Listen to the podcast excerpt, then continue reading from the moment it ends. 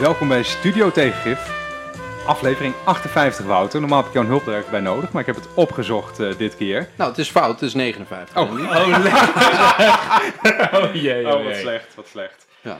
Maar Nou, de- blijkt je toch nog van meerwaarde te zijn. Welkom lieve luisteraars bij de Politieke Talkshow met Wouter, Wiemar en Randy, dat ben ik. En wij hebben een hele speciale gast vandaag. Welkom, Anne. Dankjewel, leuk om hier te zijn. Ja, eh, heel leuk dat je er bent. Anne Megens, eh, arbeidsmarktdeskundige, werkzaam bij Afkorting. AWVN. AWVN. Ik wist hem, maar Wiemar die struikelde erover in de voorbespreking, dus ik daagde hem even uit, maar je werd al gered. Wij gaan het... eh wij Wat gaan is het dat, AWVN? Ja, wat is de AWVN? Ja, nu, ik heb geen flauw idee. Waar gaat het over? Anne, wat is de AWVN? AWVN is de Algemene Werkgeversvereniging Nederland. De grootste werkgeversvereniging die ons land kent zelfs. En, en, en dus wat anders dan VNO-NCW. En daar gaan we het Ja. zo over hebben, over Ja. die verschillen. En wat jullie precies doen. En of jij dan een lobbyist bent of een beleidsmaker en dat soort dingen. Ehm, we gaan het vandaag dus over de arbeidsmarkt hebben. Daar is een, rapport over geschreven. Maar dat parkeren we nog even. Want we hebben een traditie. Namelijk dat we even de gekte van de week eh tackelen aan het begin. En Wouter, jij wilde het even hebben over de Partij voor de Toekomst. Ja, het is, eh, ik, ik kan altijd wel van genieten dat in de komkommertijd er prachtige eh, verhalen opdoemen die veel meer aandacht krijgen dan ze normaal zouden hebben gehad. En eh, we hebben iemand in de Tweede Kamer die- in eh, een half jaar vier partijen heeft eh, gehad. Dat is Femke Merel van Koten. En die breekt nu vandaag en gisteren met de Partij voor de Toekomst. Ehm, dat is de partij die ze samen met Henk Krol is opgericht. En gisteravond kwam er een, een interview van haar met, in het AD uit. Waarin ze aangeeft dat ze zich niet langer laat melkorven. Eh, omdat ze het gevoel had dat ze buiten de belangrijke beslissingen werd gelaten met binnen haar partij eh, samen met Henk Krol. Want Henk Krol is namelijk samengegaan met eh, meneer Otten, Henk Otten, de ex-Forum voor Democratie van, die in de Eerste Kamer zit. En die zit daar in de groep Otten, GO. Eh, en eh, eh, die, dus FMke dacht, verhip, ik, ik heb eerst bij de Partij voor de Dieren gezeten. Toen was ik onafhankelijk lid. En toen ging ik eh, ehm, eh, bij de 50PLUS. En toen kreeg Henk Krol daar ruzie. En toen hebben we samen partij opgericht, de Partij voor de Toekomst. En nu kom ik erachter dat Henk Krol eigenlijk met mensen van ex-Forum voor Democratie samen wil in de Eerste Kamer. En dat vind ik eigenlijk niet leuk. En nu willen ze ook nog een partijprogramma opstellen. En word ik daar buiten gelaten. Het was een prachtige soap. Het gaat helemaal niet over de inhoud. En toen kreeg het vanmiddag nog een staartje, omdat nadat gisteravond Femke, dus die, eh, die dame die eh, ooit van de Partij voor de Dieren was, eruit stapte, ehm, eh, een interview had gegeven, had vanmiddag hebben Krol en Otte samen een interview gegeven in het AD. Maar ze Femke verwijten dat ze diva-gedrag vertoonde. Dus een prachtige soap gekte, Twitter is gevuld, mevrouw wordt van alles verweten, heren worden van alles verweten. Ehm, niemand heeft enig idee wat ze inhoudelijk nou vinden, of wat de Partij voor de Toekomst had gewild, of wil, of gaat willen. Eh, maar ik vond het wel een prachtige gekte die, eh, die onze zomer mooi symboliseert. Hoe heb jij het gevolgd, Anne? Ja, ik heb het gevolgd en ik, eh, ik kijk het ook met, met leden ogen naar, naar dit soort situaties. En wat ik eigenlijk het allerergste aan vind, is we hebben al zo'n ontzettende versplintering in de politiek. Eh, er komen nu, we hebben nu eenmansfracties, eh je kan ze bijna niet meer tellen. En het zorgt gewoon voor een soort brain drain in die Tweede Kamer. Dat vind ik er eigenlijk het allerergste aan. Want je, je hebt nauwelijks meer ondersteuning. Je kan onmogelijk al die dossiers volgen als eenmansfractie. En ondertussen hebben de grotere partijen niet meer de ruimte om wel gewoon die wat minder charismatische, maar wel hele goede mensen in een fractie te hebben. Ja, daar heb je gelijk aan, maar ik weet niet of, eh, zeg maar, ehm, Femke Van Koot en Henk Krol met z'n tweeën zo'n enorme meerwaarde aan brain hebben, dat, dat ze uit elkaar gaan, dat dat meteen een brain drain is. dat weet ik niet. Maar ik vind het wel interessant, want het is natuurlijk wel een beetje, gewoon een beetje gelukzoekers eh, verzamelen met elkaar, hè? Met die Van Koten en Krol en, en Otte. En je wist natuurlijk van tevoren dat dit alleen maar fout kon gaan. Ja, Partij voor de Dieren wordt er eruit gegooid. Heeft een bepaalde politieke agenda. Hartstikke optimistisch gaat om het Henk Krol. Ja. En dan Otte. Nou, ik weet, dat kan natuurlijk nooit maar goed dit gaan. zijn mensen die om de verkeerde redenen in de, het parlement zitten. En als je over het imago van de politiek hebt, ja, dit is natuurlijk dramatisch. Wat is die verkeerde reden dan? Dat vind ik wel spannend. Eh, nou, ik denk om, eh, om in, eh, op het toneel te staan, in de spotlight te staan. En de politiek is natuurlijk een hele makkelijke eigenlijk om jezelf in de kijker te spelen. Makkelijker dan profvoetballer worden of televisiester of ja, je bent er zo. kunnen. Nee, je hoeft Nee, niet zo heel veel voor te kunnen. de- En dat is zo verdrietig eraan, want het, is Ja. wel onze eh, wetgevende macht. Ik vind het vooral gekte, omdat dit volgens mij nog eens een prikkel is voor mensen die echt goed zijn op een bepaald domein. Weet ik veel, mensen die heel goed fiscale wetgeving kunnen uitpluizen of echt een goede volksvertegenwoordiger zijn. Die denken, ja, Amahula, als dit is wat daar gebeurt, dan ga ik niet eh, dat doen. En er wordt ook vol op de man gespeeld. Hè? Ja, het is alleen ik, maar ik, zie dus net voor de, voor de eerste keer het artikel dus waar Krol en. Otte reageren op Femke Merel van Koten. En er worden dus twee argumenten genoemd om haar eruit te gooien. Eén van Krol, die zegt, eh, hallo, haar man is haar fractie, eh, was haar fractiesecretaris, moest ook de nieuwe fractiesecretaris, dus de man van, van Koten worden, van nieuwe fractie en betaald voor worden. Daar heb ik geen zin in, onzin, het kost veel geld. Dus het is echt letterlijk op de man spelen trouwens. En het tweede gaat over, gaat over Otte die zegt, ja, Plus van. Koten, diva gedrag, dat heb ik al gehad met eh Thierry Baudet, dat wil ik niet nog een keer. Dus het is twee keer echt super inhoudelijk de Nee, maar wacht, motivatie wacht, om, om eh, niet met elkaar door te gaan. Ik heb, ja, dat zij haar man een baantje probeert te bezorgen, dat is, dat is een beetje kwestieus inderdaad. Ja. Ja, ja, maar er zat toch ergens ook een inhoudelijk dingetje. Want zij wilde voor de motie stemmen om 400 eh, kinderen uit Griekse kampen hier naartoe te halen. En daarvan Ja. zei Henk Krol, ja, maar dat is alleen maar slecht voor die Nee, kinderen. dat is een achterhaald idee. Vond u dat? ja. Maar Ja. Ik ben ook heel benieuwd naar hun eerste besprekingen. Want als je toch van de Partij van de Dieren komt en hij komt van 50 plus, waar zit dan de overeenkomst? Waar, De waardoor... toekomst. De toekomst. De toekomst. Gelukzoekers. We zijn allemaal van de toekomst, toch hoop ja, ik? maar we hadden allebei een nieuw, een nieuw platform nodig. Nou ja, Ja, laten maar we... dat, ja, dat Ja. voedt het cynisme dus. Van jullie Ja, zijn zeker. vooral aan het zoeken naar een, een, een, een gelegenheid alleen te nog Wiebel van erbij moeten hebben eigenlijk. Heb Dat, jij- eh, dat miste wel. Henk Otte daarvoor dan wel op enige vorm van ideologische bevlogenheid kunnen betrappen? is mij niet vaak Ja, gelukt. Het breekinterview eh, in de NRC. eh, waardoor hij uiteindelijk had een heel zwaar interview gegeven. Dat las meer als argumenten die later verzonnen waren. Tegen Thierry Baudet. Dat, dat Forum voor Democratie zich meer op de, bedrijven en lage lasten echt een Oh, je bedoelt Henk? Ja, Nee, ik, ik, bedoelde, Otte. ik bedoelde Henk Krol. Oh, sorry. Ja. Eh, nou, Henk, in ieder geval Otte heb ik wel inhoudelijk ergens kunnen betrappen. Ja. Krol, eh, nou ja, eh, vroeger was hij voor ouderen toch? Dat, Die hele partij die doet mij een Dus- beetje denken aan, net als op de middelbare school had je in de kantine altijd één tafel. Dan moesten dan de mensen zitten die niet bij, bij een groepje zaten. En dat is de Partij voor de Toekomst eh, een beetje.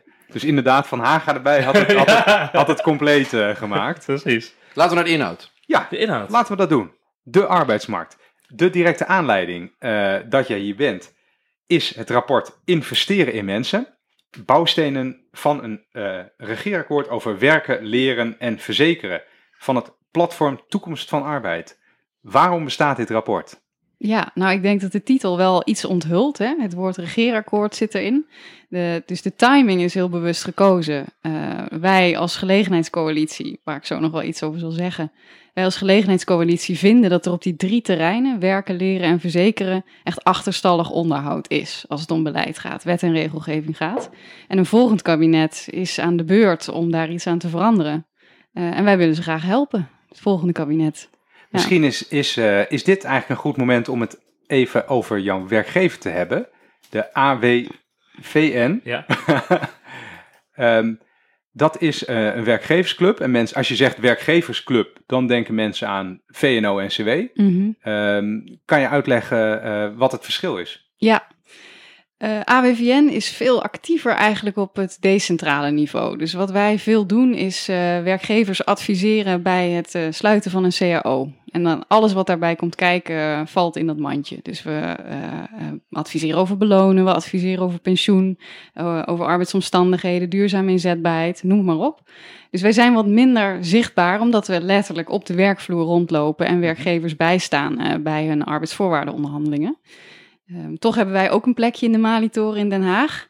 Eh, we We werken zitten dus... in hetzelfde Ja, gebouw, eh, ja, toch ja wel? wij zitten Ja. op de zeventiende etage. Dat vind ik dan altijd wel mooi. Dus we hebben wel echt het mooiste uitzicht. Dus van, eh, van de- een van de bovenste etages. Ja, prachtig uitzicht over Den Haag.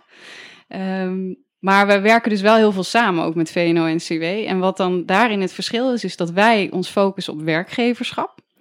En VNO-NCW focust zich op ondernemerschap. Dus wij hebben een Ja. iets smallere eh, focus en kijken echt naar de sociale thema's binnen, binnen bedrijven. En er komt ook nog eens bij dat wij proberen om uh, nou, echt heel nadrukkelijk die brug te slaan tussen onze leden, bedrijven en politiek Den Haag. Dus we leveren bijvoorbeeld heel veel cijfers aan over cao's of over wat er gebeurt op de arbeidsmarkt. Ja, altijd als je weer hoort van uh, de cao's die, cao's die afgesloten zijn, hadden een uh, loongroei van 2% of zo. Of er zijn zoveel nieuwe cao's afgesloten gesloten in het afgelopen kwartaal. Dan komen cijfers vaak voor jullie. Ja. jullie leveren die cijfers aan. Ja. Je zit dus heel erg in het HR-gedeelte, zeg maar. Hè? Dus ja. Uh, human relations, uh, human capital, daar zitten jullie heel erg Ja. in. Dus ook, hè? Dus, Ja. dus zijn ook vaak, jullie bijeenkomsten zijn ook vaak directeuren die HR-directeur zijn van het bedrijf. Ja, die, klopt. die dat bij zijn onze eh, ja, gesprekspartners. dat zijn de gesprekspartners. Dus het is echt een ander soort eh, type. En wat is, jouw, wat is jouw achtergrond? Uh, nou, ik ben ooit begonnen bij de SER, de Sociaal-Economische Raad, uh, als stagiair notabene. Um, en me daar eigenlijk gaan ontwikkelen in arbeidsmarkt, de sociale zekerheid. En vanuit daar naar de AWVN gegaan. En ik heb natuurlijk ook ooit gestudeerd. Misschien wil hij dat ook nog weten, weet ik eigenlijk niet. Ja, ik wil het wel weten. Nu, nu moeten we het weten. Ja, nu het weten ook. Waar komt het allemaal vandaan? Uh, ik heb arbeidsrecht gedaan en uh, arbeids- en organisatiepsychologie. Ja, ja. Precies. En, en wa waarom is het leuk om AWVN, om daar te werken? Waarom wilde je dat doen? Ik vind het heel leuk omdat het... Uh, ik zie het een beetje als de rebellenclub binnen de polder. Ah, okay. Dus wij uh, doen ook gewoon mee aan dat polderspel en hechten daar ook heel veel waarde aan. Maar we vinden het ook belangrijk om af en toe een gedurfd idee in de arena te gooien. Of om wat verder te kijken dan alleen maar de waan van de dag of de nieuwste, het nieuwste wetsvoorstel. En uh, ja, we zoeken dan ook echt wel een beetje de randjes op. Dat hebben we in het verleden ook best wel eens gedaan. En dat, nou, daar kwam wel kritiek op. Maar je ziet dat door dat te doen, dat je toch de discussie vooruit helpt. En dat dan achteraf de conclusie is, oh, het is toch wel fijn dat een club als AWVN af en toe wat roept wat wat meer omstreden is. Dat was voor mij wel een is de... niet altijd met jullie eens ook, hè? Mm. Dus uh, ik kan me herinneren dat jullie ooit een keer uh, redelijk snel gepleit hebben voor een arbeidsongeschiktheidsverzekering voor ZZP'ers, voor zelfstandigen, dat dat vanuit jullie koker kwam. Voor alle werkenden, Voor ja. alle werkenden, dat is misschien beter. Ja. Ja, voor alle werkenden, dat volgens mij VNO dat niet meteen het beste idee vond. Nou, dat is precies zo'n idee wat Ja. tien jaar geleden echt controversieel was. En waar je nu ziet dat steeds meer mensen daarachter staan. En ik denk dan toch dat het goed is dat een partij als AWVN dat durft te roepen. Ja, ja. leuk om te weten. We hadden een, uh, een collega van jou, wel eens twee keer twee afleveringen geleden in de podcast. hè? Ex-collega. Ex-collega. Dus Hendrik. Uh, Hendrik Noten van het boek Fantoomgroei. Ja. Ja. Geweest. Ja. Leuke aflevering, luister hem terug. Ja, dus, uh, ja ik, ik heb het gevoel dat Studio Tegengeven ook meer de Mali-toren ingezogen ja, wordt. klopt. Dat we moet zijn de Mali-toren nu een podium aan het geven. Schijntje. nou, maar dat, uh, dat vind ik leuk aan dit gesprek. AWVN, werkgeverskant. Denk, nou, het is toch een werkgeversclub. Maar in dit rapport zitten toch een aantal, uh, nou ja, wat ik wat progressieve, uh, progressief voorstellen zou, zou willen noemen. Net als uh, wat je net noemt, die verplichte verzekering voor alle werkenden. Um, misschien is het nu goed om weer even terug te gaan naar die vraag: waarom is dit rapport er? Ja. Er komt dus verkiezingen komen eraan, een nieuw regeerakkoord. Ja. Um, maar er is dus ook wat mis met de arbeidsmarkt. Ja, ik zei al iets over die gelegenheidscoalitie. Het is dus ook geen rapport van AWVN. Het is een rapport van allerlei partijen die hun wortels hebben in de arbeidsmarkt. Dus van de kinderopvang tot uh, in het onderwijs, uh, tot verzekeraars, tot uh, mensen die met, echt met werk maken bezig zijn uit zijn bureaus. Noem het maar op. Dus het is een hele brede groep. En wat wij gemeen met elkaar hebben, is dat we twee, drie jaar geleden allemaal een beetje gefrustreerd waren. Omdat we zagen dat de arbeidsmarkt vastliep uh, op een aantal cruciale punten. En ook echt ervoor zorgt dat het ja, maatschappelijke schade teweeg brengt. Um, maar het lukt niet met uh, ja, de standaard instituties om daar verandering in te brengen. Zelfs de analyse was al heel erg moeilijk om daar verder in te komen. Ik heb dat zelf bij de SER van dichtbij meegemaakt. Hoe moeilijk dat is om uit die loopgraven te komen. Om überhaupt te erkennen uh, wat is nou eigenlijk het probleem. Um, nou, en wij als partijen die dus in die praktijk stonden, hadden zoiets van ja, we kunnen het nu uh, overlaten aan, aan, aan de polder alleen. Hmm. Of we kunnen die polder helpen door gewoon eens wat voorstellen uit te werken en, uh, en door te rekenen. En dan eens te zien van, nou, hoeveel draagvlak is er eigenlijk voor? Uh, dat hebben we gedaan. Wat mag je dit dan een beetje een steentje, steen in de vijver noemen? Of is dat... Ja, dat is moeilijk als uh, persoon die er zo nauw bij betrokken is geweest om dat te beoordelen. Maar het heeft wel de bedoeling gehad om even de boel een beetje het, het denken op te schudden. Uh, ja, ja dat, dat wilden we wel heel graag. Ja, En als we kijken, hè, we hebben het een tijdje geleden gepresenteerd. Daar was ook Hans Borslaps bij. Uh, Van de commissie Borslap. Precies. Heel toevallig. Uh... Waar jullie ook iets over uh, verteld een leuke hebben. aflevering over hebben gemaakt. Luister hem terug. Aflevering 50 voor Ja. de luisteraars. krijg hele lange show notes op deze manier. Ja. Ja, ja, ja. die heb ik al gemaakt. Het- het- maar het rapport investeren in mensen werd ook eh, door jullie gepresenteerd als een eh, rapport of een denken van een maatschappelijke alliantie die hè, een beetje de uitnodiging voor de commissie Ja. Borslap. Uitnodiging de commissie Borslap. Je moet goed in de microfoon praten, Wimar, want je hoort soms wat meeuwen op de achtergrond. Dat Ja. komt omdat we in Den Haag zitten met de ramen open. Dat is een beetje voor de, de feeling eh, voor de luisteraar. Ja, precies, omdat hij heel warm is. maar klopt, hè? Dus een relatie met de commissie Ja, Borslap. dat was eigenlijk eh, niet gepland, maar wel mooi dat eh, Hans Borslap opriep tot het vormen van maatschappelijke co- coalities, juist om zijn ideeën verder te brengen. Nou, en wij waren al- daar al mee bezig. Ja. En fijn genoeg bleek er ook behoorlijk wat overlap te zitten in de uitgangspunten die we hadden. Dus dat is ook wel een van de constateringen die ik heb na dit hele project. Hebben begonnen met loopgraven en partijen die elkaar in een soort gijzeling houden. Ehm, maar nu moet je eigenlijk wel vaststellen dat er al heel lang een soort verborgen consensus is. Bijvoorbeeld over dat idee dat je meer toe moet naar een arbeidsmarkt die uitgaat van werkenden in plaats van alles ophangen aan het werknemerschap. Dat is nu best, ja, daar zijn heel veel partijen eigenlijk wel van overtuigd. Eh, en nu is het gewoon tijd om daar eh, beleid op te gaan maken. Is nu tijd om even door, te, door, door het eh, Ja. rapport eh, Ja, te laten we- gaan? Even de, de hoofdpunten de of zo. hoofdpunten. Ja. Neem ons mee al, hè? Ja, ja. Ja. en, en dan moeten jullie me absoluut onderbreken als ik eh monologen afsteek waar geen einde meer in komt, hè? Dat eh, gaat lukken. Dat gaat Nou, je, jij- jij- je vertelde ook, je luistert, eh, je luistert ook wel eens naar de podcast. Ja, Waarschijnlijk noem je één punt en dan gaat, gaat het helemaal los. Ja, en dan ja, moeten ja, we ja, vooral ja. zorgen dat we het nog... oh, dan eh, moet ik het punt alle- kiezen wat het belangrijkste is. ja. ehm, Overigens, misschien gewoon ja. vertellen dat je ook verteld hebt dat je bij het luisteren van deze podcast je ook af en toe heel erg kan ergeren aan ons. ja. Dus het is goed dat je dat eh, zegt. Maar het wel leuk is. Oké, ja, maar erger is ook heel leuk. zeker. Het is fijn om af en toe gewoon even goed... eh, Oké, maar dan wil ik het weten ook. Waar erger je dan aan? Even een stukje feedback hoor. Oh, moeten we dat? Ik is misschien slim om dat te doen nadat ik. Ja, dat eh, vind ik eigenlijk ook wel. Nee, Dus ik, ik, ik wil wel zeggen waar, waar ik me eh, nou over eh, niet echt aan erger, op een leukere manier, leuke manier aan ergeren, met liefde aan erger, is Mhm. ehm, dat jullie eh, wel heel makkelijk eh, de problemen, eh, de oplossen van problemen bij de overheid leggen. Ah, De overheid als alles eh, omvattende oplossing voor, eh, voor de wereld.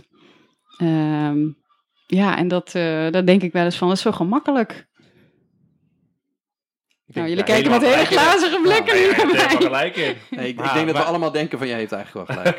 ja, is ook zo. Is ook zo. En ik weet het antwoord ook niet, hè, voor de duidelijkheid. Maar af en toe eh Maar- denk ik wel, ja, mag maar- ik kritischer op zijn. Investeren in mensen. Oh ja, ja. Ehm, nou, we hebben dus die drie onderwerpen, leren, werken en verzekeren. En misschien maar op het eerste onderwerp. Dus dat is wel een, een voorstel ehm, wat volgens mij heel veel mensen steunen. Namelijk dat alle Nederlanders een ontwikkelbudget zouden moeten krijgen. Dus of je nou werk hebt of niet, of je nou ZZP'er bent of werknemer bent. Iedereen zou gewoon over een potje moeten beschikken om te kunnen omscholen, bijscholen, een andere baan te vinden. Dat is één. Eh, twee gaat eigenlijk over waar we het net ook al een beetje over hadden, over de spelregels op de arbeidsmarkt. Dus je hebt nu een weerwar van contracten waarin je kan werken. En wij zeggen je zou die smaken eigenlijk moeten terugbrengen naar drie. Drie overzichtelijke smaken. En dan zorgen dat die, die contracten om de juiste redenen worden gekozen. Dus niet omdat je kosten en risico's wil reduceren als werkgever of als opdrachtgever, maar omdat dat contract ook gewoon past bij het type werk dat je doet. Dat is nummer twee.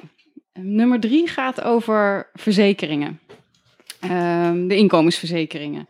Daarvan zeggen we, nou, iedereen zou verzekerd moeten zijn tegen arbeidsongeschiktheid. Want het maakt niet uit of je nou ZZP'er bent of werknemer. Iedereen kan iets verschrikkelijks overkomen waardoor je een uitkering nodig hebt bij AOW, arbeidsongeschiktheid. of, sorry, eh, eh, arbeidsongeschiktheidsverzekering voor iedereen. Voor alle werkenden. Ja.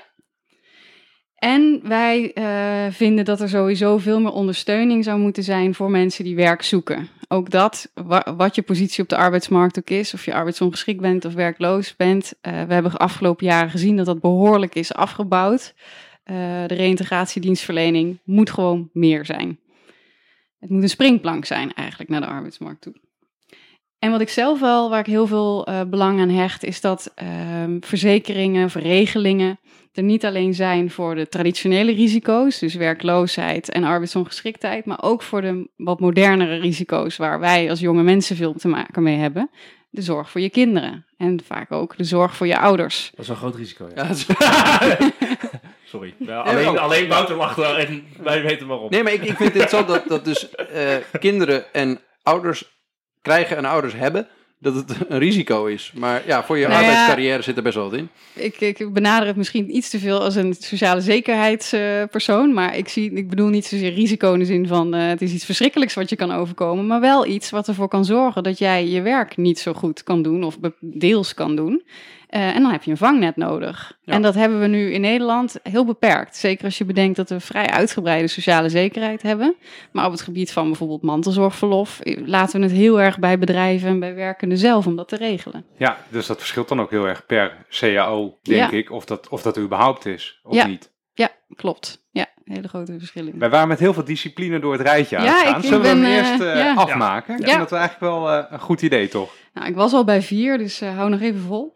Eh, nummer vier is ehm, dat we eigenlijk vinden dat uitkeringen aan de basis van de arbeidsmarkt niet het uitgangspunt zou moeten zijn, maar een basisbaan.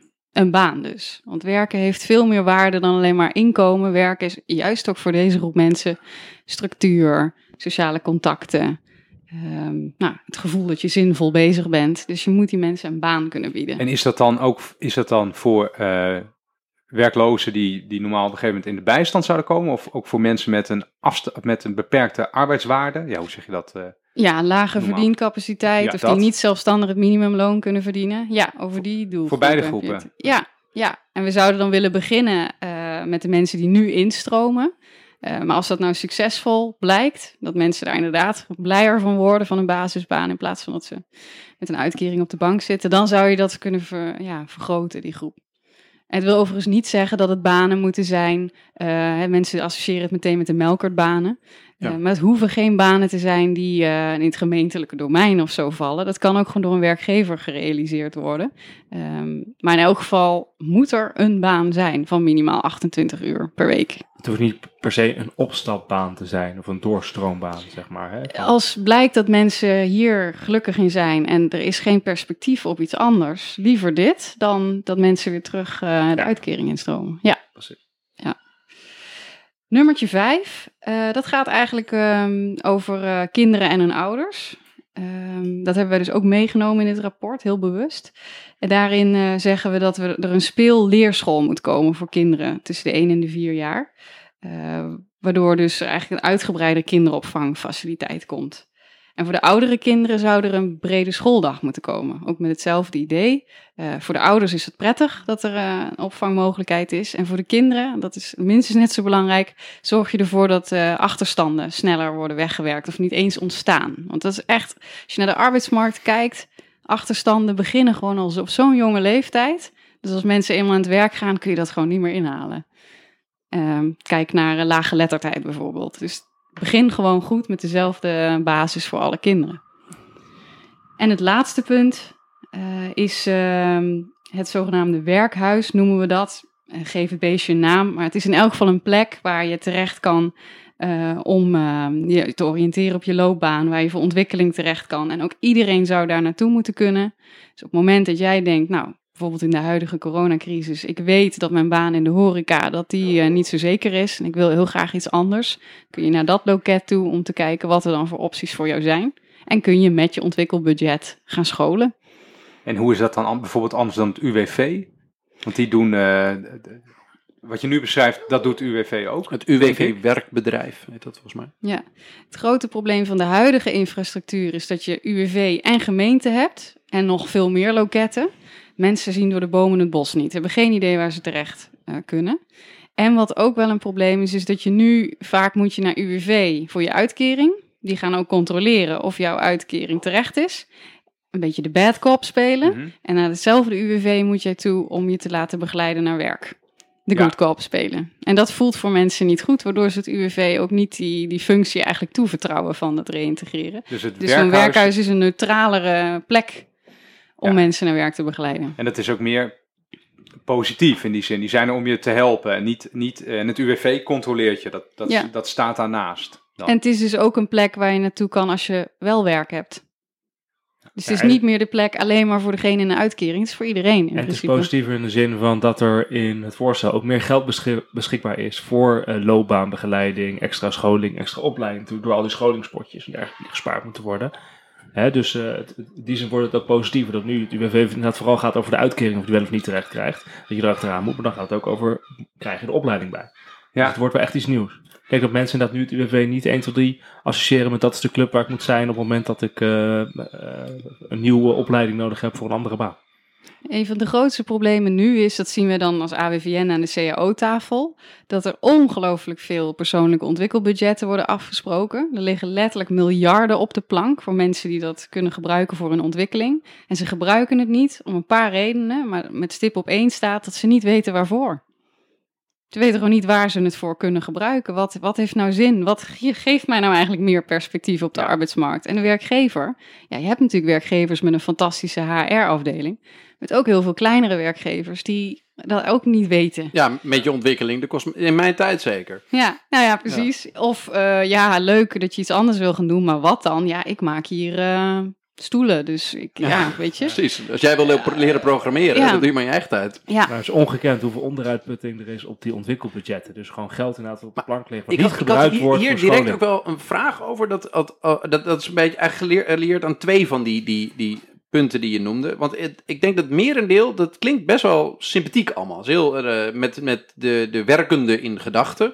Ehm, maar stel ik ben een, een criticus, dan zou je ook zeggen dat, dat bijvoorbeeld dat idee van eh, eh, die, die ontwikkelrekening, dat je dus eh, ehm, een budget hebt door je leven heen om te besteden aan jouw persoonlijke ontwikkeling, en, en dat werkhuis, dat dat immense bureaucratische molochen zijn, die uiteindelijk, waar je net ons een beetje van betichten, of in ieder geval terecht van betichten, denk ik, dat dat overheidsinitiatieven zullen moeten zijn. Zowel die ontwikkelrekening, iemand moet dat gaan beheren en bijhouden, en er moeten allerlei partijen gevinkt worden die wel of niet daar budget van mogen ontvangen, en het werkhuis moet, eh, daar moeten mensen werken, en die moeten dan wel of niet bepaalde jobcoaches eh, een cursus laten doen, of wandelen in het park wel of niet als, als dingetje.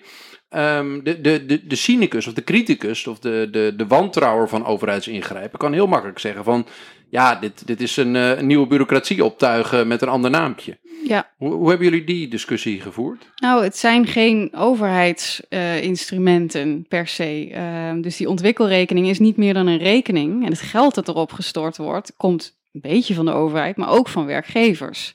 Dus het is niet een speeltje van de overheid waar eh, dus ook weer eh, van alles afgehaald kan worden als op het moment dat het tegen zit. Hè? Dat is vaak ook een politieke speelbal. Ja. Dat is het niet.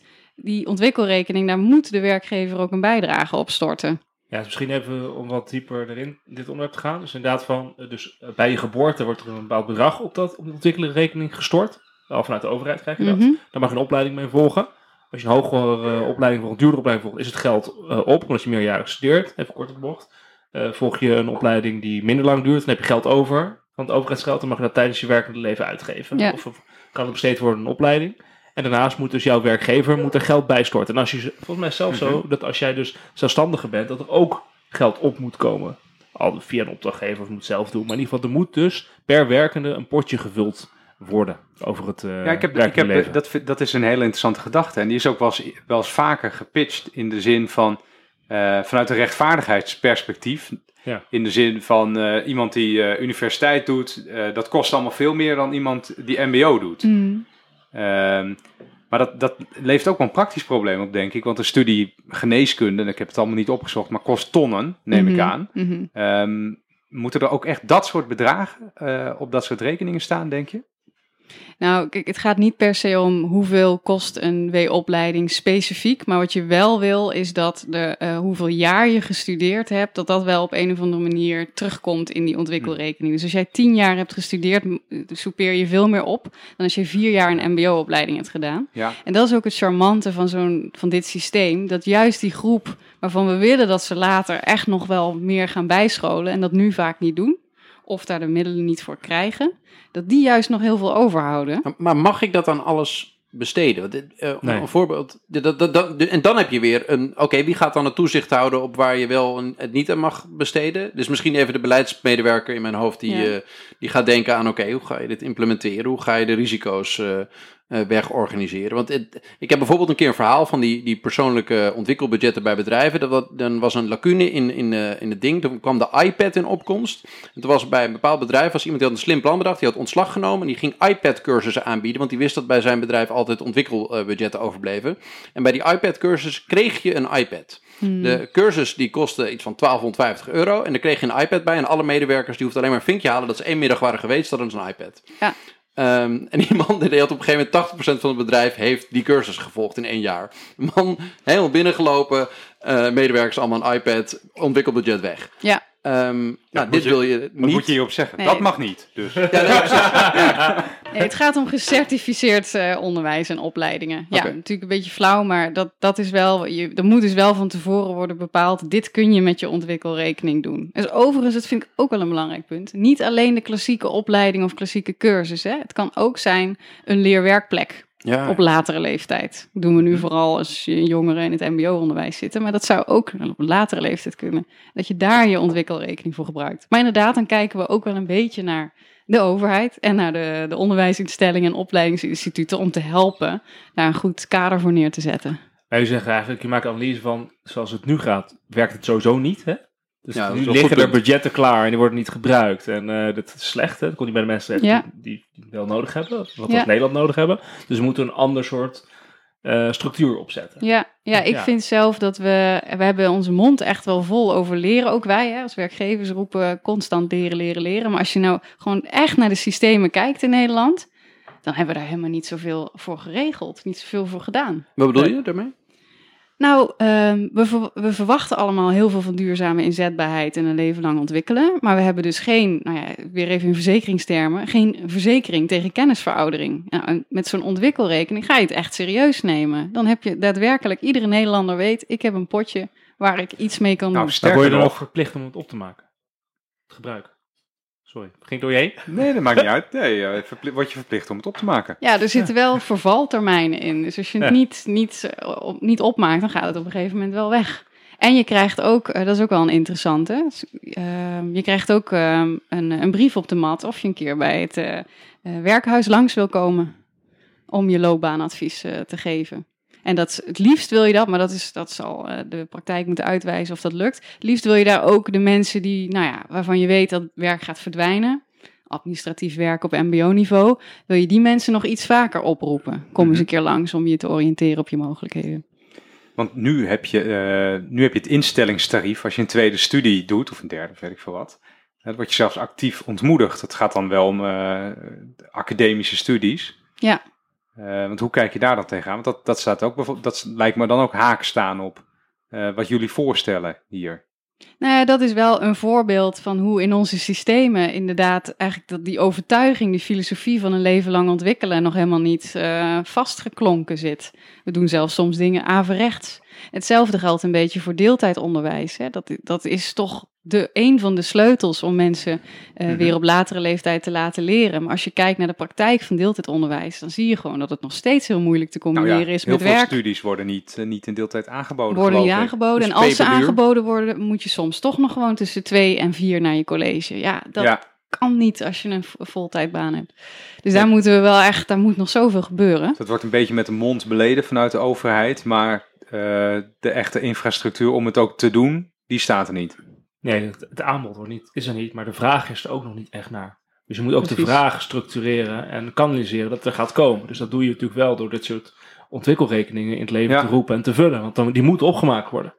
Ja, als, als, de, hè, als de universiteiten of de hogescholen of de Ja, die gaan er ook op dat inspelen weten, gaan ze erop Ja. inspelen. Ja. Dus het is, zo, er is te weinig aanbod, maar dat komt ook omdat er nu eigenlijk te weinig structurele vraag is. Nou, wat ik eigenlijk wel gaaf vind, is het, het, ehm, het- wat ik verwacht, dat weet je natuurlijk nooit, dat is de toekomst. Ehm, misschien is het iets voor de Partij voor de Toekomst. Ehm, het, het uiteindelijke culturele effect. Dan dat je het normaal gaat maken dat je je hele leven lang opleidingen gaat volgen. En dat je dus niet gaat werken bij dat ene bedrijf waar wij in deze stad nou helemaal allemaal gaan werken. Ehm, en dat 30 jaar gaat doen en dan met pensioen gaat, of 40 jaar. Ehm, maar dat het dus normaal gaat worden doordat je een, ergens een rekening hebt die jou eraan herinnert van ik kan allemaal dingen gaan leren.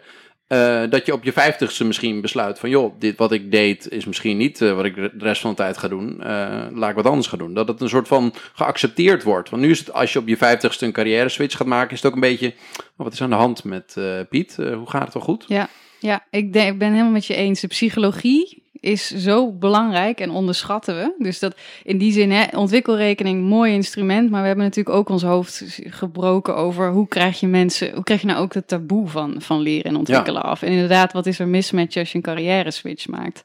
Ja, en dat los je niet alleen maar met financiële prikkels op. Maar uh, dat doe je bijvoorbeeld ook, roepen wij onze werkgevers vaak toe op creëer ruimte. Dus zeg gewoon, als jij op vrijdagmiddag uh, uh, niet op je werk bent, uh, maar aan het leren bent, nou top. Dat moedigen we aan. Neem die ruimte. Uh, en creëer dus als werkgever die ruimte om te leren en ontwikkelen. Want dat schijnt ook gewoon een van de belangrijkste obstakels te zijn. Mensen gaan s'avonds na uh, hun zware werkdag niet nog in de boeken zitten of achter de iPad zitten. Of, nou, op de bank achter de iPad met Ja, Instagram. maar niet om e-learning te doen. Nee, maar Ja. daar, zit, daar, zit, daar zit wel wat in, inderdaad. Want je, je bent moe, je hebt geen zin om nog, eh, of geen zin, misschien heb je wel zin, maar geen puff om nog eh, door die boeken te gaan. Is dat ook iets waar jullie het over hebben gehad, over ehm 40-urige werkweek? Is dat, niet, is dat niet te lang om die dingen ernaast te doen? Want je had het ook over mantelzorg. Eh, ik denk ook wel eens, de reden dat dat ook zo ingewikkeld is, is omdat je, eh, als je met z'n tweeën bent bijvoorbeeld als huishouden, werk je vaak twee keer 40 uur in sommige gevallen. Ja, en dan heb je dus geen tijd voor Ja. mantelzorg of voor een, eh, een studie die echt wat, wat zwaarder is. Nou, over dat leren en ontwikkelen. Het pleidooi is dus om dat niet meer als iets anders dan werken te zien. Maar dat het Mhm. ook gewoon werken is. Leren is werken. Ja. Begrijp je? Dus niet van, oh, ik heb een 40-uurige werkweek en daarna doe ik die opleiding. Nee, in die 40-urige werkweek mag je ook gewoon... Ja, oké, maar nu Maar werk ik bij, bij een Peugeot-dealer. En Ja. dan eh, zegt, zegt mijn directeur, eh, wat een onzin. Jij staat hier gewoon in de zaak. Ja, maar ze worden, ze worden nu verplicht dus om premie af te dragen voor dat schoningspotje. Dus de werkgever moet storten in dat schoningspotje. En als het dus niet gebruikt wordt, dan valt het weg, hè, dat geld. Dus dan is die werkgever gewoon geld aan het weggooien. Ja, maar dat maakt Dus hem dat- toch niet uit. Nee, oké, maar, Maar- dit is wel dit is een prikkel die er nu niet is. Hè? Als je nu die schoningsbudget bijvoorbeeld niet opmaakt, dat Ja. is even de, de flauwe... Ja, nee, ik ben het met je eens hoor. Nu ja, verdwijnt en je- je hebt het over de Peu- Nee, het geld verdwijnt Peugeot, nu niet. eh, Het blijft nu gewoon Peugeot garage. Nou, ik kan je vertellen, garagebedrijven, als ze zich ergens zorgen over maken, dan is het over de aanwas van nieuw personeel. Mhm. Oh ja. En dus zij voelen echt wel die verantwoordelijkheid. Ik we weten ook van, eh, van garagebedrijven dat zij hebben het nu natuurlijk ook zwaar, net zoals eh, alle andere bedrijven in Nederland, zo'n beetje. Ehm, maar waar zij echt enorm voor terugschrikken, is om nu die leerwerkplekken af te schaffen. Hebben ze in de vorige crisis moeten doen. Ja. Ja, en dat zorgt voor zo'n enorme schade, want je kan gewoon jarenlang geen personeel krijgen. Nou, en de kosten die je dan moet maken, dat is echt veel meer dan als jij eh, jouw eh, monteur een paar eh, uur per maand naar een opleiding stuurt. Dus het is ook een beetje van voor een dubbeltje op de eerste rang willen zitten. En daar moeten we allemaal ja, anders in gaan denken. Maar Anne, kan je dit wel zo breed zeggen over, over de hele werkgeversbranche heen? Want jullie zitten daar ook een beetje namens talloze werkgevers die dan lid zijn van de vereniging. Eh, want bij het, het, het, zijn van een automonteur bij een, bij een autogarage is toch echt heel wat anders dan iemand die, die, eh, die, die intensief kenniswerk doet, dat de hele tijd verandert en waar je andere skills voor nodig hebt. Kun je dat wel zo algemeen zeggen, dat zo'n ontwikkelrekening voor iedereen ehm, een, een, een oplossing is voor een probleem? Nou, je hebt natuurlijk helemaal gelijk dat wij een ongelooflijk diverse arbeidsmarkt hebben. Ehm, met heel veel andere behoeften en andere werkgevers. Dus dat, hè, daar heb je helemaal gelijk in. En ik maak het misschien te eenvoudig. Maar ik denk eigenlijk, als je het over een ontwikkelrekening hebt, dat je daar bijna niemand mee eh, benadeelt. Of dat dat voor niemand een slecht idee is. Want ook voor die hoogopgeleide kenniswerker is er eh, veranderd het werk door je carrière van 40, 45 jaar heen. Ehm, deze mensen gaan nu wel ook al uit zichzelf ontwikkelen. Dus die hebben misschien iets minder prikkel of push nodig. Maar dat, dat we moeten ontwikkelen en dat er een leercultuur moet ontstaan, ja, dat is evident door alle lagen van de beroepsbevolking heen. Ik wil met jullie wel nemen wel even naar een van de meest controversiële punten uit het rapport. Of tenminste, ik benoem dat even als een spannend punt, de basisbaan. Eh, dat is misschien de ver- meest vergaande eh, aanbeveling. Ehm, nu heb je ook al gemeenten die doen experimenten met basisba basisbanen. Uh, maar die zeggen, um, het is een, uh, of tenminste in die experimenten is dat dan zo, het is een alternatief uh, voor een uitkering. Dus je, of je hebt een uitkering of je kan dan zo'n basisbaan accepteren. Um, en dan krijg je het minimumloon. Dus de, de, de, de gemeente regelt dan een baan voor jou en dan verdien je dus ook meer dan wanneer je in die uitkering zit. Jullie vliegen dat anders aan in dit rapport. Uitgangspunt is een basisbaan, ja, klopt. Want Ja. je, moet, je moet, uh, of nou ja, uh, nou ja, je moet. Ja, ik. nou ja, ja, je krijgt een basisbaan. Ja, je, je, jij benadert als je moet. Ik, uh, ik zie het als. Wat gebeurt er als je het niet doet? Uh, ja, net zoals in een normaal uitkeringsregime. Als je echt niks doet, dan, uh, dan volgt een sanctie. Want, hoe, want, stel je, want waar ik meteen aan denk hoor, dan maak ik het misschien te praktisch. Um, ik raak werkloos en dan krijg ik dus uh, een aanbieding voor een, basisbaan. Um, en dat kan overal zijn, legt hij uit, bij een commercieel bedrijf, bij de gemeente. Maar, maar, uh, maar we hebben het hier niet over werklozen in het algemeen. Hè? Je hebt ook gewoon nog de WW, een werkloosheidsuitkering. Dus het gaat echt om mensen waarvan we weten, die hebben heel veel moeite om de arbeidsmarkt weer op te komen. Die gaan niet zomaar in een reguliere baan aan de slag.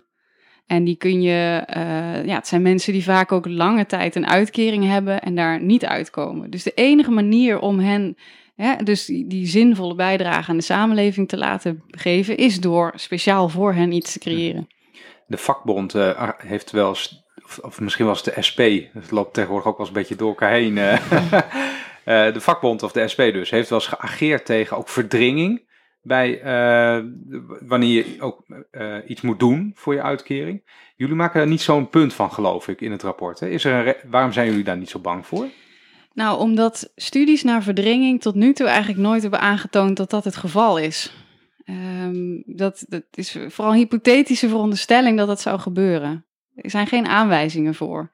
En het is ook wel, um, uh, het is ook wel logisch, want nogmaals, we hebben het over mensen die behoorlijk wat ondersteuning nodig hebben om werk te kunnen doen. Dus dat werk ontstaat niet vanzelf. Daar moet wat bij komen om het te laten ontstaan. Ja, want dat zijn mensen die uh, bijvoorbeeld 50% arbeidswaarde hebben. Dus ja. Iemand moet die andere 50% eigenlijk bijdoen voordat het. Ja, en wat we uh, nu dus ontstaat. doen is het niet laten ontstaan. Dus die klussen blijven liggen bij een werkgever of bij een gemeente. Um, en dan zeggen wij, ja, het is eigenlijk beter om daar dan wat geld bij te stoppen. Dan heb je niet alleen hè, dat mensen aan de slag zijn, maar dan heb je ook dat mensen van de bank zijn. Hè? Dus allerlei maatschappelijke kosten worden, bespaard. Uh, en het is het gewoon waard, want mensen worden ook, het blijkt uit talloze studies, echt gezonder en gelukkiger van aan het werk zijn. Ja, dat is een van de grote dingen in het rapport. Hè? Dus je zeggen van, we zijn niet alleen geïnteresseerd in meer zoals Wout zegt, economische groei of werkgelegenheid, maar ook in uh, ruim begrip van de welvaart. Daarvoor Ja. het moet breed beter worden. Daar zit zo'n voorbeeld van. Ja, ik had al een heel ander beeld van werkgevers altijd. Ik dacht dat Ja, het daarvoor is het leuk om de AWVN hier een keer uh, Ja. aan tafel te hebben.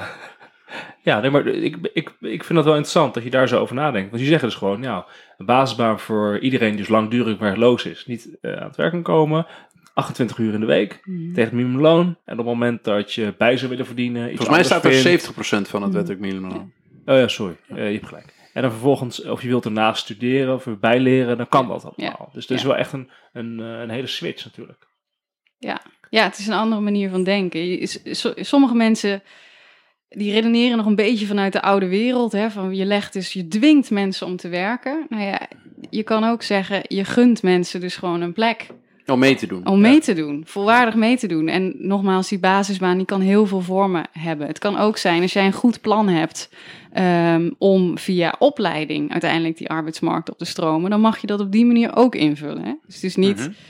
eh, het is niet alsof je helemaal geen zeggenschap daarover hebt. Als jij een plan hebt, samen met eh, iemand bedacht van, nou, ik wil op deze manier mijn kans op de arbeidsmarkt vergroten, kan dat ook. Als je maar iets zinvols doet om weer eh, die springplank naar de arbeidsmarkt eh, te gebruiken.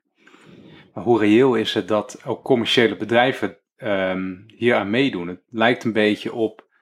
ehm wie, maar jij zit altijd beter in hoe, de, hoe dat beleid dan ook echt heeft eh, geheten. Ehm, op een gegeven moment werden de sociale werkplaatsen opge, eh, opgeheven, of tenminste, nieuwe instroom werd gestopt. Er was ook het idee dat die banen eh, met bepaalde subsidies in het bedrijfsleven kwamen. Dat is wel een aantal keer geprobeerd, geloof ik, in de geschiedenis of in de historie daarvan. Maar dat blijkt toch steeds lastig, omdat dat voor bedrijven toch niet zo interessant is of gewoon niet handig om er één iemand bij te hebben die, die bijvoorbeeld meer begeleiding nodig heeft. Mhm.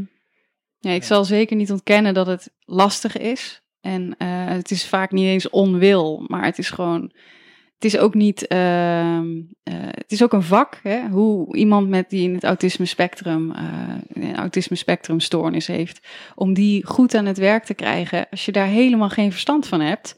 Doe het maar eens. Je weet niet precies wat de handleiding van iemand is. Dus ja, lastig. als je dat als werkgever één keer meemaakt en het loopt niet goed af, hè, iemand komt niet naar het werk of, of doet toch, heeft een keer een uitbarsting of zo, ja, dan denk je er nog wel tien keer over na voordat je dat nog een keer aangaat, dat avontuur.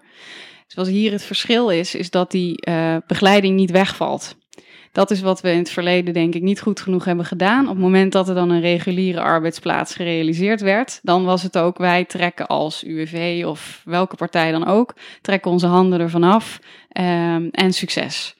Ja, dat, dat moet een veel soepeler overgang zijn. Dat je ook nog in die eerste periode eh, dat iemand aan de slag gaat, gewoon hulp krijgt. Als werkgever dus. Ja, je zegt ook hè, dat eh, mensen met eh, wat ze noemen weinig arbeidsvermogen, hè, dus die niet zo eh, productief kunnen zijn, die zouden ook geen basisbaan krijgen. Die vallen dan zitten in een ander regime. Hè. Dus je dan zeggen vroeger sociale werkplaatsen en dergelijks. Maar dit, dit, het gaat wel om mensen die een bepaalde productie zeg maar, hebben.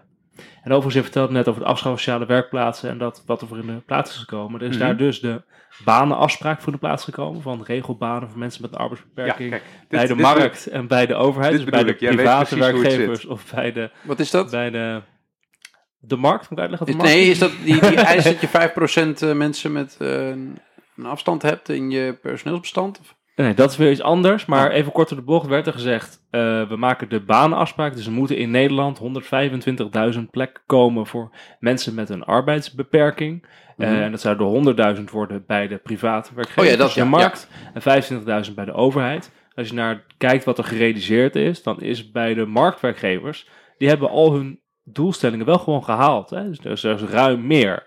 Dus het idee dat, eh, dat er geen banen zullen komen voor deze groep mensen bij, bij de marktpartijen, dat, dat geloof ik niet. Die banen gaan er zeker wel komen.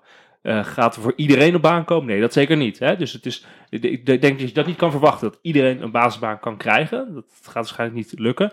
En de mensen met echt een hele lage productiviteit, de mensen die vroeger sociale werkplaatsen waren en nu beschut werkplekken, ja, die moeten die voorzieningen gewoon hebben. Mhm. En ruimer dan dat het nu is trouwens, dat ben ik ook wel met je eens. Eh, maar het is dus wel een, er zit een grens tussen, hè, tussen de mensen wie, je wie je wil helpen. Misschien is het leuk om even nu aan jullie te vragen, jongens. Welk punt triggerde jullie het, het meest? Ja, ik ben natuurlijk eh, een eh, jonge vader. En, eh, en binnenkort van eh, twee, hopelijk. Ehm, maar er zat eh, één pareltje van een voorstel in. Waarvan ik hoop dat iedereen het oppikt. Vijf maanden ouderschapsverlof. Ja. Niet overdraagbaar. Mhm. Voor beide ouders. Ja. Nou, dat, eh, volgens mij, ik, ik ken geen politieke partij die dat al heeft durven opschrijven. Dus het lijkt me, volgens mij zijn jullie het meest vooruitstrevend van alle politieke rapporten tot nu toe. Of eh, vergis ik me erin? Oh ja, ik weet niet waar die verkiezingsprogrammacommissies nu allemaal mee komen. Ik neem aan dat ze dit lezen en denken, oh goed idee. Een jaar! ja, nee, maar dit is, eh, ja, dit is zo een van die moderne risico's waar we volgens mij ook echt wel een achterstand hebben in de rest van, van Europa. Ja, sowieso. in Ja. Europa, ja. Eh, dus ja, dit moet er gewoon komen. Maar dit, als, de, ik, ik, het, ik vond het gewoon raar toen ik dat zat te lezen. Van oké jongens, dit is, de, de, dit zijn een, dit is een, een platform. Er zitten er veel Mhm. grote organisaties. En veel organisaties die ook veel personeel hebben, doen hier aan mee. En die stellen nu voor om het, het, het verlof. Dat voor moeder is, is het nu volgens mij drie maanden. En voor vaders is het vijf dagen sinds eh, dit Mhm. jaar. Eh, omdat het, volgens mij de Europese Unie dat afgesproken heeft.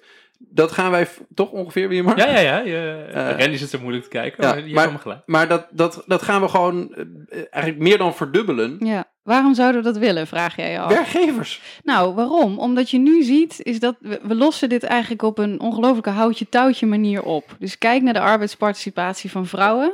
Die is hoog, maar in aantal uur behoorlijk laag. En dat is een manier, eh, even buiten dat er ook culturele aspecten aan Mhm. vastzitten. Maar het is een manier om die, dat spitsuur van het leven op te lossen. Dus wat doen we? Eigenlijk één gaan we er nog steeds wel van uit dat de vrouw dus de meeste zorgtaken op zich neemt. En twee snoepen we dit dus van uh, carrières van vrouwen af, hè? carrièrekansen van vrouwen af. Dus als je die, dat verlof oprekt, groter maakt. Voor mannen en vrouwen. Voor mannen en vrouwen verdeel je die zorgtaken eerlijker. Um, en je hoeft dus niet meer per se voor een deeltijdbaan te gaan. Maar dat, dat staat niet zo expliciet in. Van, en, en trouwens, kappen met parttime werken allemaal. Er, staan wel, er staat wel heel duidelijk in dat we de arbeidsparticipatie in uren willen bevorderen. Okay, ja, Omdat dat, dat ook de manier is om, en, ja, om, om te groeien. He, mensen werken al uh, bijna allemaal in Nederland. Daar zit de groei niet meer in. Je stelt ook gratis kinderopvang voor voor lage inkomens eigenlijk. Ja, dat was mijn volgende. 30% van het minimumloon ja. die ook voor. Dus jullie uh, zijn echt, uh, ja, die, zetten wel enorm stap op. Ja, en dat is. natuurlijk is fijn voor de ouders, maar ook echt vanuit het idee dat we als economie, dat we, onze productiviteit, onze groei, uh, niet meer komt uit nog meer uh, mensen die helemaal niet werken naar de arbeidsmarkt sturen. Tuurlijk, is ook belangrijk, maar ook vooral om de mensen die nu al werken zo te faciliteren dat ze het werk gewoon goed kunnen ja, dat doen. Dat ze niet veel stress hebben met uh, hoe ga ik dit nou weer fixen. Ja. Ja. want je stelt dus ook voor om, ik het goede woord noemen, speelleerscholen te beginnen. Hè? Dus van tot en met vier jaar. Dus er staat toch één tot en met zes? Wat ben ik nou aan de war? Je hebt 1 tot 4? Ik, ah, ik uh, in ieder geval op jonge leeftijd speelleerscholen. Ja. Wouter, en daarna die even in de show nog. Ja, daarna dus ja, een, uh, een, een, lange schooldag, zeg maar. Een brede schooldag. Dat is ook, ik vind dat dus supergoed. Want je zei het net eigenlijk al, dat de grootste ongelijkheid in onderwijs ontstaat gewoon thuis. Omdat mensen... Uh, kinderen heel lang thuis blijven en pas vanaf vier jaar naar school gaan. En in die eerste vier jaar ja. staan er al, uh, ontstaan er al enorme verschillen. Ik ben groot voorstander van dat je veel eerder uh, naar school gaat. Dat moet dan spelende wijze, omdat je zo jong bent. Dus vind ik wel heel tof dat het erin staat. Okay, de er is nu gaat... eigenlijk een ja. soort natuurlijk experiment geweest. In die coronacrisis ja. waren heel veel ouders natuurlijk punt. opeens opleiders. Ja, dat was een en, hel. Nou ja, dat heeft de on, on, onderwijsachterstand, als je docenten mag geloven, ja. vergroot. Ja. He, dus ja. de gelijke kansen zijn weer verminderd. Dus het laat wel zien hoe belangrijk onderwijs is in het bieden van gelijke kansen. Ja, dus dat vind ik echt heel, ja, dat onderwijsachterstanden gewoon ontstaan omdat je dus, uh, omdat je dus kinderen de eerste vier jaar thuis laat zitten. Dat, dat is eigenlijk het, het verschil. Omdat gewoon hoogopgeleide ouders kunnen hun kinderen veel meer dingen aanleren, uh, of doen dat vanzelf dan, dan mensen. Maar, maar dan, waarom ik dit een heel sympathiek voorstel vond en wederom een beetje verrast was van, hé, hey, het zijn werkgevers. En, het is dus ook, het zorgt ook voor meer arbeidsparticipatie. Hè? Als je ja, dat, dat, zo snap moet ik je ook ja. aan het werk gaan. Dus het doet twee dingen, namelijk achterstanden bestrijden of ongelijkheid bestrijden en arbeidsparticipatie verhogen. Dus ik vind daar wel een groot voorstander van. Maar, maar de, de, de meer, laat zeggen, liberaal geschoolde mensen kunnen ook het standpunt aanhangen van hoezo gaat de overheid bepalen dat ik nog meer in staatsgefinancierde instellingen, uh, speelleerscholen, mijn kinderen moet onderbrengen. Ik wil uh, zelf bepalen uh, hoeveel zij uh, ergens bivakeren. Ik, ik wil de vrijheid om dat niet te doen. En staat trouwens 0 tot 6. Oké, okay, 0 tot 6. Oh, correctie. Goed, goed gegoogeld. ja. ja. Ja, want Wouter, jij denkt aan een soort Spartaans model waarbij je je kind op uh, tweejarige ja, leeftijd ja, ja, moet afstaan aan de staat. En hem dan na zijn militaire carrière weer terugkrijgt. Je hebt heel veel van die, uh, die, die, die homeschool wappies. Um, en, je hebt, en je hebt mensen die in mindere mate een homeschool wappie zijn. Dus die vinden eigenlijk dat, dat niet al te veel moet bepaald worden hoe de opvoeding van hun kind door een school plaatsvindt. Um, en die, vinden, die zouden het best wel paternalistisch van de staat kunnen vinden als wij gaan zeggen dat, men, dat kinderen nog meer uren in zo'n instelling moeten doorbrengen. Ja, ja. maar er is een verschil tussen opvoeden, kinderen opvoeden en kinderen iets leren. Het gaat over kinderen iets leren op spelende wijze. Nou, dat moet toch niet zo'n al te groot probleem zijn. Plus, volgens mij mag je kiezen waar je je kind heen brengt. Je wordt niet Spartaans okay. verplicht om het naar één plek te brengen met alle mensen in jouw buurt. Dus het is best wel die zin. Er is ook over liberalen nagedacht in dit voorstel. Anne, een vraag aan jou. Voordat Wouter net even heel kritisch werd, was hij heel enthousiast over dit punt. Oh, ik ben het ook wel hoor. Ik, ik, ik, ik, meer, ik, ik, ik luister altijd een beetje naar die, die, uh, die liberale vriendjes van mij. Om, uh, wat die dan uh, vinden. Probeer ik ook af en toe te verwoorden. Hoe is dit punt gevallen in de buitenwereld? Kan je, wat, kan je wat vertellen over de reacties? Uh, nou, als het om de voorstellen voor uh, kinderopvang en alles wat ermee te maken heeft gaat, ja, volgens mij behoorlijk positief. Um, omdat uh, we allemaal denk ik wel zien dat gelijke kansen best wel onder druk staan. Hè. We zien gewoon al, dat, nou ik had het net over um, taalachterstanden. Nou ja, als je dat eenmaal hebt, mm -hmm. ja, eh, ga dan maar eens aan het werk. Dat is gewoon heel erg moeilijk. We hebben digivaardigheden. Het, het zijn gewoon hele eh, eenvoudige dingen die je kansen in één, in één klap heel erg op, eh, achteruit brengen. Dus hier is wel een gemeenschappelijk gevoel volgens mij dat we iets moeten doen. En ook hier weer zijn we een outlier in Europa. Hè? We, beginnen gewoon relatief laat met de basisschool. Ja, we zijn ook wel. Jij zei net, Randy zit een beetje moeilijk te kijken, maar daar zat ik ook aan te denken. Want wij zijn als Nederland zijnde, denken wij heel vaak dat wij heel vooruitstrevend zijn. Maar op heel veel punten lopen we eigenlijk best wel achter. Ook met dat, met dat uh, vaderschapsverlof. Volgens mij was dat twee, twee dagen eerst. Mhm. Ja. Uh, Ja. En toen uh, kwam uh, minister Ascher, geloof ik, ermee om dat naar vijf te doen. Mhm. En veel van de reacties toen, en dat is nog maar een paar jaar geleden, veel van de reacties toen waren van, jeetje, wat een watje ben jij man. Echt een fan staat toch gewoon na twee dagen weer uh, aan de lopende band of zo, of zit weer lekker te typen op kantoor. En dat voelde ook zo ontzettend conservatief. En nu uh, kun, je, kun je voorstellen doen voor vijf maanden vaderschapsverlof. En dan staat iedereen bij te applaudisseren. Dus Ja, dat is ontzettend hard weer. gegaan. Ja, ja, dat is wel echt het mooie van deze discussies, waar we dus best wel gefrustreerd begonnen twee, drie jaar geleden. Zie je dat er nu binnen no time echt wel wat ruimte is ontstaan. En ook mede dankzij bijvoorbeeld uh, Borstlab. Het gaat dan niet over dit onderwerp. Maar um, nou ja, dat er, er is weer ruimte om met nieuwe ideeën te komen. Dat is wel, uh, wel heel fijn. En je wordt niet meer uh, afgefakkeld als je dat doet. Omdat iedereen wel voelt van ja, we, hebben op zich een hartstikke mooi land. Maar we hebben ook een aantal dingen gewoon, die, die zitten in het bouwwerk niet meer goed. Hebben heel lang wel goed gefunctioneerd. Maar nu is de tijd om er iets aan te doen. Ja, en het is ook gewoon heel duidelijk dat je op bepaalde punten behoorlijk achterloopt. Ja. Waar we het net over hadden. Ja, Ouderschapsverlof, mantelzorg, kinderopvang. Het zijn gewoon dingen waar je echt achterloopt. Uh, op Ouderwets welke leeftijd landje. je naar school gaat als kind. Uh, dat lopen we echt achter in Europa. Zo'n polder is natuurlijk zo conservatief als maar kan. Want je doet pas iets als iedereen het eens is. Ja, maar dit is niet Ja. alleen een polder. Het heeft natuurlijk ook met politiek te maken. Ja, uh, Nederland is veel conservatiever dan we vaak denken. Had jij Ja, nog iets wat je heel gaaf vond? Nou, ik wil nog even bij de speelleerschool blijven Dus- uh, met jullie uh, toestemming. Ze weten het toch? De, Ja. speel, de Ja, ja. speelleerschool. Wordt al een normaal woord. Want aan de ene kant, ja, ja, zeker, het is ook een mooi woord. Als je het ook geen mooi woord kan geven, dan, dan gaat het als beleid vaak ook niet werken. Dus het werkhuis klinkt, twijfel eh, ik nog over. Maar... ja, ik zei zelf al, ik ruil het. uh, ik, ja, noem, geef het beestje een naam. Ja, we, we wachten op betere suggesties. Het werkhuis. Ja, da, daarbij, Ja. Als, je, als ik die woorden zo aan elkaar geplakt hoor, dan denk ik van nee, thuis werk ik niet. Maar dat klopt tegenwoordig ook niet meer. De hele goed, tijd eh, thuis. de speelleerschool. Aan de ene kant eh, ben ik daar zelf heel enthousiast over. Want het klopt dat veel kinderen, wanneer ze op vierjarige leeftijd naar school gaan, hebben ze helaas al een onoverbrugbare taalachterstand opgelopen. Dus dat is gewoon ronduit goed, zou ik zeggen. Maar aan de andere kant denk ik ook wel, een, van de motieven om het te doen is zodat mensen meer uren kunnen werken. Ehm, eh, toch, dat, we- dat las je net voor. En dan denk ik, ja, werken we al niet een beetje te veel eh, in Nederland? Want het 40-urige model, ehm, ik zeg het altijd een beetje, een beetje cru en eh, kort door de bocht. Vroeger eh, zat de vrouw thuis en die, die, eh, die, hield het huis op orde en de man werkte dan 40 uur. En dat, dat kon op die manier. Maar nu werk je vaak bij de 40 uur en heb je helemaal geen tijd meer voor heel veel dingen.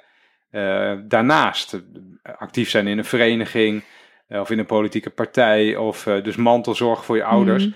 En dat leidt op die manier tot een verschraling van de eh, samenleving, omdat je gewoon geen tijd hebt Mhm. voor heel veel dingen die je naast je werk zou willen doen. Ehm, is dat een discussie die jullie ook gevoerd hebben? Van hoeveel moet je uiteindelijk werken?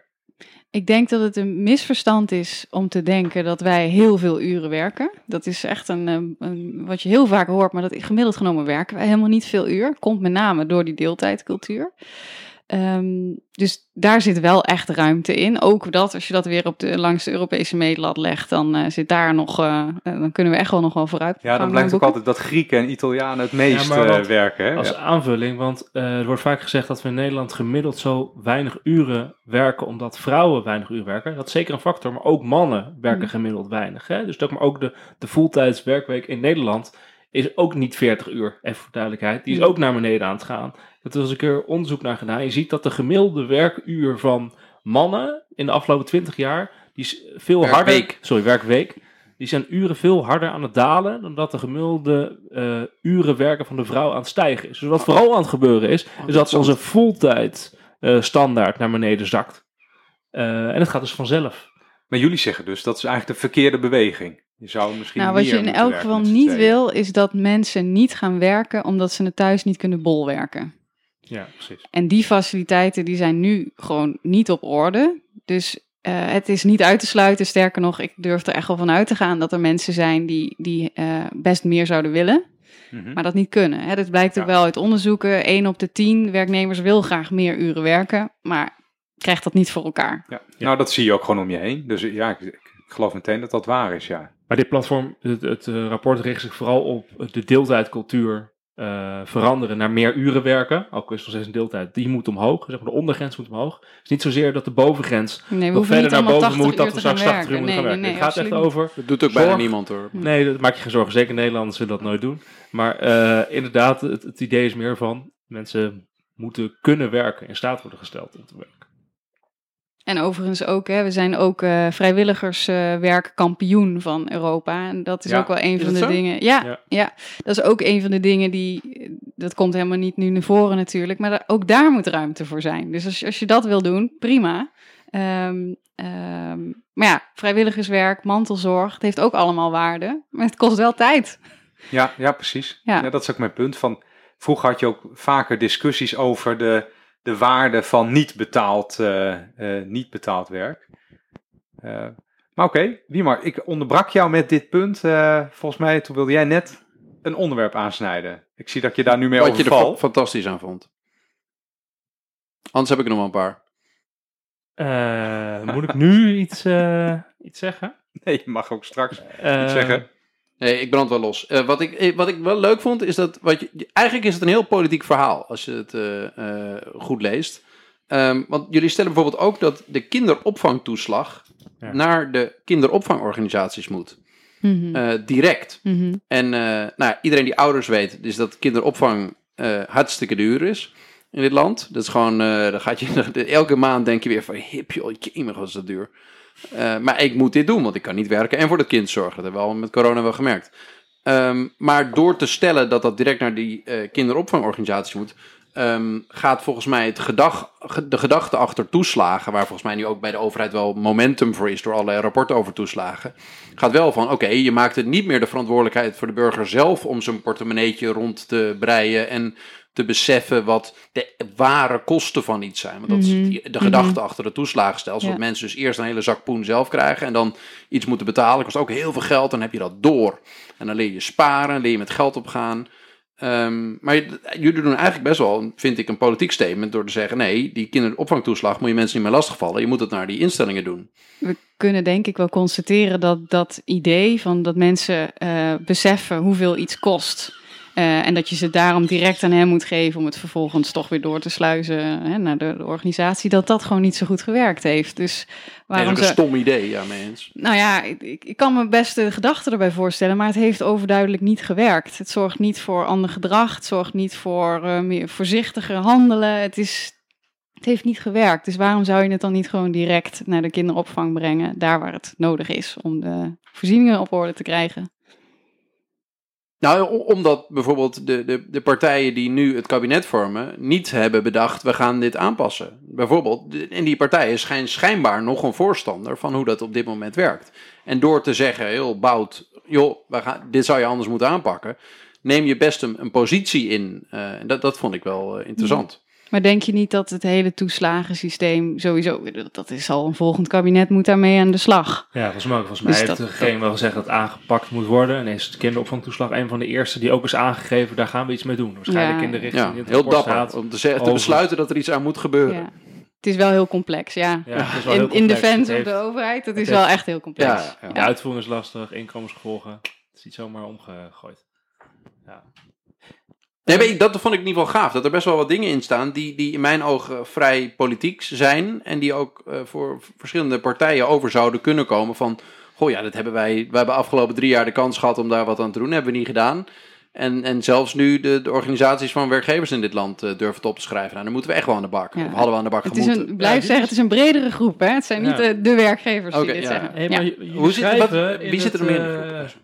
Ja, dat kunnen we, ik had Ja. twee dingen inderdaad. Want we moeten ook denk ik een beetje gaan Ja, we zijn richting het einde. eh, tijd aan het Ik zat te denken, wat in het rapport staat, dat jullie twee belangrijke punten, de, dat het wordt toegevoegd door dit rapport. Eén is dat het concreetheid geeft, een ander maatschappelijk draagvlak.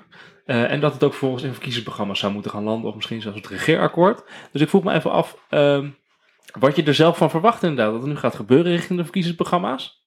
En het tweede, eh, van inderdaad, ja, draagvlak. Bij wie heeft dit nu allemaal draagvlak en wie misschien nog niet? Hè? Dat, want eh, wie zit er allemaal in de alliantie? Ja. Uh, nou, je eerste vraag, hè, wat we hopen, wat hieruit voortvloeit, is dat de voorstellen die niet alleen uitgewerkt zijn, maar ook doorgerekend, hè, dat is in uh, verkiezingsland uh, heel belangrijk, dat het een stempeltje heeft, het is doorgerekend. Ja, ja. Um, we hopen dat die voorstellen gewoon ingeklikt worden in verkiezingsprogramma's, als het ware. Dus we maken ook hè, een ronde langs iedereen die ons wil ontvangen, om het toe te lichten, uit te leggen waar het vandaan komt en hopen dat dus terug te zien. Uh, dat Misschien is luisteren ze. Wie weet, ja, dat zou mooi zijn. Ja, dus als politieke partijen nog een uh, menukaart zoeken voor dingen in te voeren in hun CPB-doorrekening van het verkiezingsprogramma aan het einde van dit jaar, dan kan je dit rapport Zou je kunnen gebruiken, ja. En natuurlijk, het is ik heb zelf uh, heb ik het wel eens over de drieslag polder, politiek en praktijk. Hè. Ik focus nu heel erg op politiek. Um, maar we vinden het natuurlijk ook belangrijk dat het in die polder goed landt. Dus we praten ook veel met uh, al de partijen die daarin actief zijn. Dus VNO-NCW, MKB Nederland. Uh, ook vakbonden proberen we uit te leggen waar dit vandaan komt. Um, en de praktijk, dus ook met ZZP'ers, met uh, journalisten, met uh, ja, eigenlijk wie wil, gaan we in gesprek. in de hoop dat het nou ja, ondertussen common sense gaat worden. Ja, want is dit coronaproof?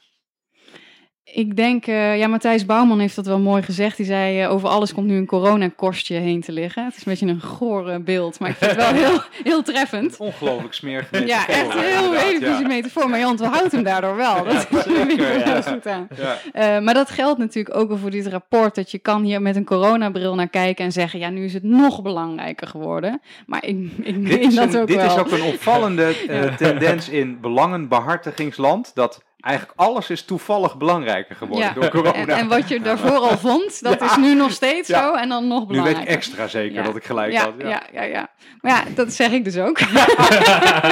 ik heb nog één vraagje over die coalitie. Uh, ja, ze neemt dat net aan, Wiemer. Die is inderdaad veel breder. Wij zeggen het werkgever, werkgever. Wie doet er nog meer mee? Uh, dat klopt niet. Nou ja, ik heb het hier voor me.